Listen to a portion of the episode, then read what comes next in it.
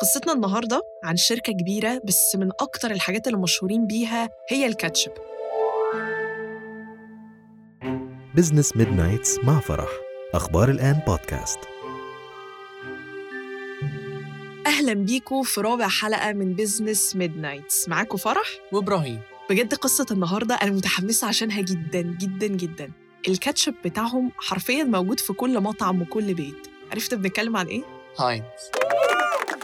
بالظبط. هنعرف النهاردة إزاي مهاجر كان بيبيع فجل قدر يعمل أشهر كاتشب في العالم ويعمل ملايين. الموضوع ابتدى بواحد اسمه هنري هاينز. اتولد سنة 1844 في مدينة بيتسبرغ في ولاية بنسلفانيا في أمريكا. وكان عنده 8 إخوات وباباه ومامته ما كانوش أمريكان. كان أصولهم ألمانية وهاجروا أمريكا وكانوا بيشتغلوا هناك في زراعة الخضار. وكانوا بقى بيعملوا مخلل ويبيعوه. وهنري بص بقى على ما تم تسع سنين كان اتعلم وبقى شاطر قوي في إنه يعمل المخللات ويبيعها. وخد بالك ساعتها كتير من اللي كانوا بيبيعوا المخلل كانوا مشهورين إن هما بيغشوا الناس. وبرغم صغر سنه هنري كان غيرهم وكان عايز يكسب ثقة الناس. فعمل إيه بقى؟ بص عمل إيه. هو كان بيبيع فجل مخلل فقرر يحطه في علب إزاز بس تكون شفافة. عكس بقى باقي البياعين وكده عشان الناس لما تيجي تشتري تقدر تشوف إن الفجل مش بايظ يعني ويكسب ثقتهم. أيوه فاهم. و- وده بالفعل اللي حصل يعني كان بيبيع والدنيا مشيت زي الفل. وباباه شاف إن الولد ده جواه عارف اللي هو رائد أعمال صغير كده انتربرنور صغير. وراح أول ما هنري تم عشر سنين باباه راح يعني مديه كده أرض زراعية كبيرة عشان يزرعها ويوزع المحصول بتاعها.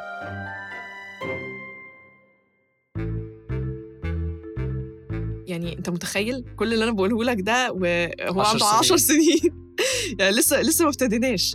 هنري استغل الفرصة دي مم. وقعد يستكشف بقى المحاصيل الزراعية ويتعلم ويجرب حاجات مختلفة غير إنه كمان عارف اللي هو كان مركز قوي مع الكاستمرز أو الزباين بتوعه. وبيعرف هم بيحبوا إيه وبيفكروا إزاي. قعد شو عنده 10 سنين وبيدرس المستهلك. وهنري بقى على ما تم 15 سنة بعد خمس سنين بقى شاطر جدا وبيفهم في الكميات والمحاصيل الزراعية وبيع الخضار وده بقى الباشن بتاعه ده بقى شغفه خلاص. جه بقى وقت إن هو يخش الكلية ودرس تجارة. وعايزة أقول لك إن شوف هو اللي دفع فلوس الكلية بنفسه من الفلوس اللي حوشها من اللي هو من بقى بيع- وبيع الخضار والأرض وكل ده. بعد ما اتخرج اشتغل في إنتاج الطوب مع باباه. يعني شوف كم مجالات يعني شوف إحنا قلنا إيه من الأول. يعني زراعة ومخلل وفجل وبيع طوب. بس فضل دماغه يعني شوف هو آه كان بيشتغل في الطوب وكده. آه. آه بس فضل دماغه في وصفات المخلل والزراعة واللي هي ال- الأقسام دي. جت سنة 1869 ودي كانت سنة فارقة في حياة هنري هاينز. عمل إيه بقى؟ بص بقى. هنري كان عنده وقتها 25 سنة وأدرك ساعتها إن المستقبل كان للأكل المعلب وهو وصاحبه واحد اسمه كلارنس نوبل قرروا إن هم يفتحوا شركة وسموها هاينز and نوبل سنة 1869 والشركة دي بتوفر مخللات معلبة ومستردة ومنتجات تانية بيوزعوها بقى على المطاعم والكافيهات وال supermarkets.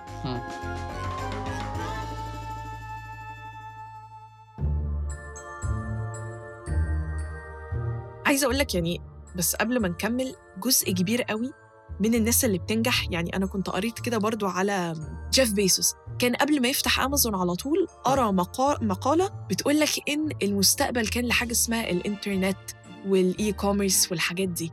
وفتح أمازون وابتدى يبيع في الأول الكتب بعد كده توسع توسع. فالواحد لما بيبقى عنده كده نظرة مستقبلية دي بتفرق قوي قوي قوي. أيوه عندك حق. وهنري كان مهتم قوي قوي بال quality control بتاعة المنتجات. وكان بيعمل زي ما يعني زي ما ابتدى لما كان عنده تسع سنين آه، كان حاطط بقى المنتجات بتاعتهم في علب شفافة وبيبيعها على عكس المنافسين اللي في السوق في الوقت ده. وده ساهم برضو بشكل كبير جدا في زيادة المبيعات. الناس كان عندها trust issues ساعتها تحس. قعدوا لمدة ست سنين يكبروا ويتوسعوا وعينوا حوالي 150 شخص. والصحافة بقى في بيتسبرغ كتبت إن هاينز نوبل من أسرع الشركات نمواً في المدينة. بس للأسف بص بقى اللي حصل. سنة 1875 شركة هاينز نوبل فلست. اللي حصل إن قبل إفلاسهم بسنتين في 1873 حصل أزمة اقتصادية كبيرة بسبب إن شركة اسمها جاي كوك كانت موجودة ساعتها. ودي كانت واحدة من أكبر الشركات اللي هي مستثمرة في الطرق وكده. قفلت أبوابها وسحبت كل استثماراتها.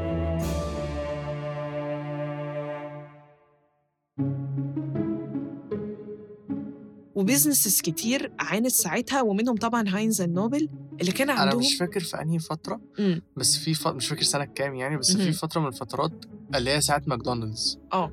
آه كان ساعتها هما كانت ماكدونالدز بياخدوا من هاينز الكاتشب مم. وبعدين جه بقى في سنة من السنين إن هما لغوا ال- ال deal اللي كان ما بينهم آه بعرفش هو ده نفس اللي انت بتقولي عليه نفس وارد جدا وارد جدا ما عشان كده ما هو اللي حصل بقى معاهم أيوه زي ما انت بتقول إن الشركة بتاعتهم حصل فيها عجز جامد قوي في رأس المال وهم ما قدروش يلتزموا بالعقود اللي كانوا عاملينها مع المزارعين وحاولوا إن هم ياخدوا قرض بس طبعا ما عرفوش كان صعب قوي ساعتها. واضطروا يعلنوا افلاسهم قبل ما أقول لك بس إزاي وقفوا الشركة على رجلها تعال نتكلم عن حياة هنري هاينز العاطفية بقى. نخش في الحب. هنري اتجوز واحدة اسمها سارة يونغ وخلف منها يعني أربعة. ده كان قبل الإفلاس طبعا. وكان عندهم بيت عيلتهم القديم. آه، ظبطوه وقعد فيه هو ومراته والولاد طب يفضل برضه السؤال إزاي وقف الشركة تاني على رجلها بعد الإفلاس؟ بعد ما أفلس بسنة هنري قرر يفتح شركة جديدة مع واحد من إخواته اسمه جون وقريبه اللي اسمه فريدريك وسموا تمام. الشركة إيه؟ F and J هاينز دي كده تاني شركة يفتحها دي اللي هي هاينز آه، 57 اللي هي اللي هي هاينز varieties آه بالظبط وفي 1877 بدأوا يصنعوا خيار مخلل معلب. وكذا حاجة تانية معلبة وواحدة واحدة الشركة ابتدت تقف على رجلها. هنري كان من النوع اللي هو إيه مش بيستسلم فاهم؟ مش بيستسلم بسهولة. وكان مؤمن جدا إن الناس هتشتري المنتجات بتاعته لو بس دقوها وده اللي عمله فعلا. أنت عارفة إن هم ساعتها ساعتها ما عملوا اللي هي هاينز 57 مم. varieties ما كانش عندهم 57 products كانوا أقل؟ كانوا أقل. دلوقتي كده كده عندهم أكتر من 200 products بس هم فكره 57 دي جات لهم منين؟ إن هو كان ماشي في الشارع ولقى آه slogan بتاع company؟ مكتوب عليه آه 21 shoe style فهو قال إن هو إيه طب يعني ليه 5 و7 ليه 57 مم. ال5 دي ال lucky number بتاعه هو وال7 ال lucky number بتاع مراته. إيه ده؟ فهو خلاها 57 varieties.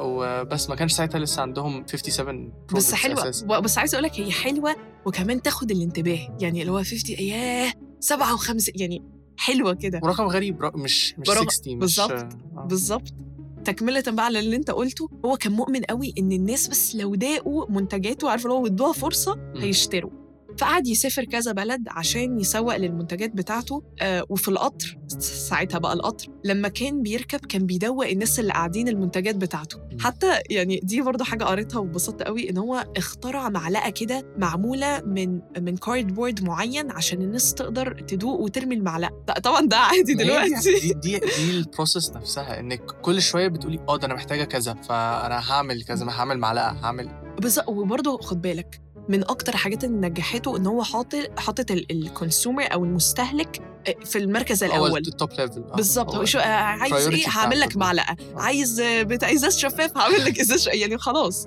والحوار ده طبعا موضوع القطر بقى وإن هو بيدوق الناس نجح جدا جدا. وه... وخد بالك أنت دلوقتي لو رحت أي مح- محل ودوقك الحاجة أنت ممكن بس إيه ده؟ عشان دوقك تشتري. وهنري اشتهر قوي ب the pickle king أو ملك الخيار المخلل. بس هو يعني كان طموح جدا لأنه قعد ي launch منتجات جديدة لحد ما بقى بيبيع 60 منتج. شوف بقى وصلنا لل 60 آه. لسه قايل 57 وأشهرهم تفتكر أشهرهم كان إيه؟ أكيد. الكاتش الكاتشب. الكاتشب رفع المبيعات بتاعت الشركة سنة 1880 ل 198 ألف دولار. طبعا ساعتها إن يبقى معاك آه. 198 ألف دولار ده كان رقم. وبعد عشر سنين من افتتاح الشركة سنة 1888 هنري اشترى أسهم أخوه وقريبه واستحوذ على الشركة. خلاص الشركة بقت بتاعته. وسموها وسماها يعني H.J. هاينز company واشترى أرض خاصة بالشركة عشان كان في دماغه إن هو عايز يتحكم في دورة ال production كلها من أول الزراعة لحد بقى ما بتوصل للمستهلك. عارف من أكتر الحاجات اللي بحبها في هنري إيه؟ غير بقى إن هو ما بيستسلمش وكل ده بس هو عبقري لما نيجي بقى حتة لبيع منتجاته. يعني بص في 1893 كان في معرض آه، شيكاغو العالمي وما كانش عارف يبيع ال products بتاعته قوي. فقعد يفكر كده وأعلن إن أي حد هيشتري هيشتري منه خيار مخلل هياخد دبوس هدية على شكل خيارة مخللة. بجد فكرة cute قوي. ونجح جدا الموضوع والناس اشترت. غير إن كمان بقى يعني بالذات الفكرة بتاعته دي خلت الج- جرايد كتير قوي تكتب عنه. ومجلات كتبت آه، ساعتها عن اللي هو ال creativity أو اللي هو ال- الأفكار الجامدة في ال business يعني.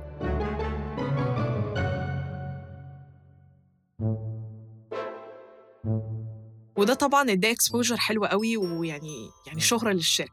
فاكر فيلم ويلي وونكا and the مم، شوكليت أيوة، بحبه factory أنا كمان.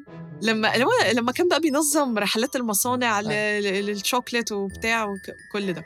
هو في الحقيقة أصلا يعني هنري هاينز كان من أوائل أصحاب المصانع اللي نظم بقى رحلات ال- الرحلة بتاعته للمصنع. الناس تيجي تشوف ال process بتمشي إزاي و- واللي هو يكسب بقى ثقتهم. وبرضه خد بالك دي كانت بتديله فرصة إن هو يتكلم مع الزباين بتوعه. طب أنتوا عايزين إيه؟ طب فاهم ياخد كده شوية أيوة، معلومات. فهو كان من أوائل الناس اللي عمل الموضوع ده. وعلى 1896 مم. هنري هاينز كان مليونير. ما كنتش تمشي في حتة من غير أصلا يعني ما تشوف صوره هو والمنتجات بتاعته في الجرايد والمجلات وال billboards.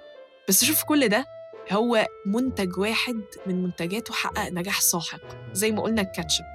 وح... يعني لحد دلوقتي وانت دلوقتي لما تيجي تجيب كاتشب يعني آه ماشي في أنواع الكاتشب؟ مش مش عارف. في يعني بص هو في أنواع كتير بس ده تميز هو عنده بطريقة كتيرة قوي. لأنه كان من أوائل الناس اللي يعملها في إزازة شفافة. أنت شايف ال product من جوه إن هو كويس. و fresh. وأول recipe اتعملت للكاتشب أصلا كانت سنة 1812 على يد عالم من فيلادلفيا كده اسمه جيمس ميس. وهنري نزل الكاتشب بتاع هاينز المشهور سنة 1876 وطلع هو بريسيبي بقى خاصة بيه. معمولة من الطماطم والسكر البني والخل والملح وشوية توابل. وبقى زي ما قلنا the مم. best selling كاتشب في أمريكا لدرجة إنه وصل إنه بقى بيبيع 650 مليون إزازة كاتشب في السنة 650 مليون يعني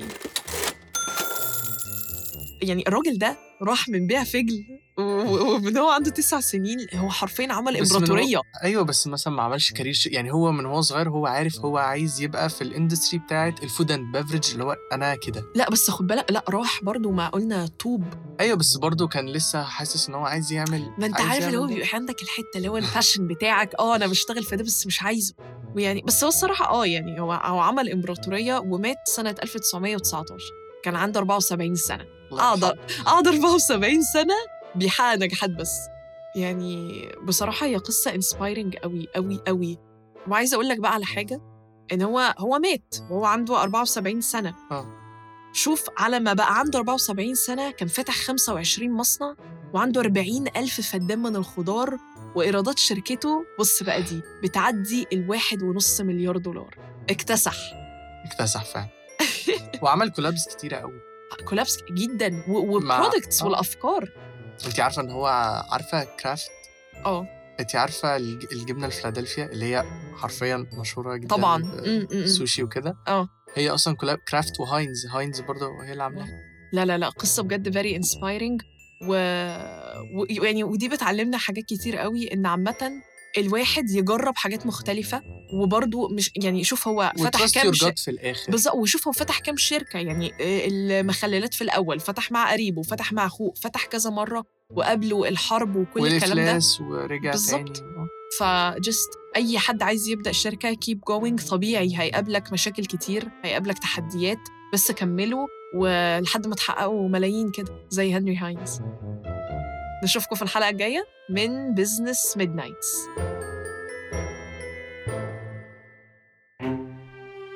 Business Made مع فرح. أخبار الآن بودكاست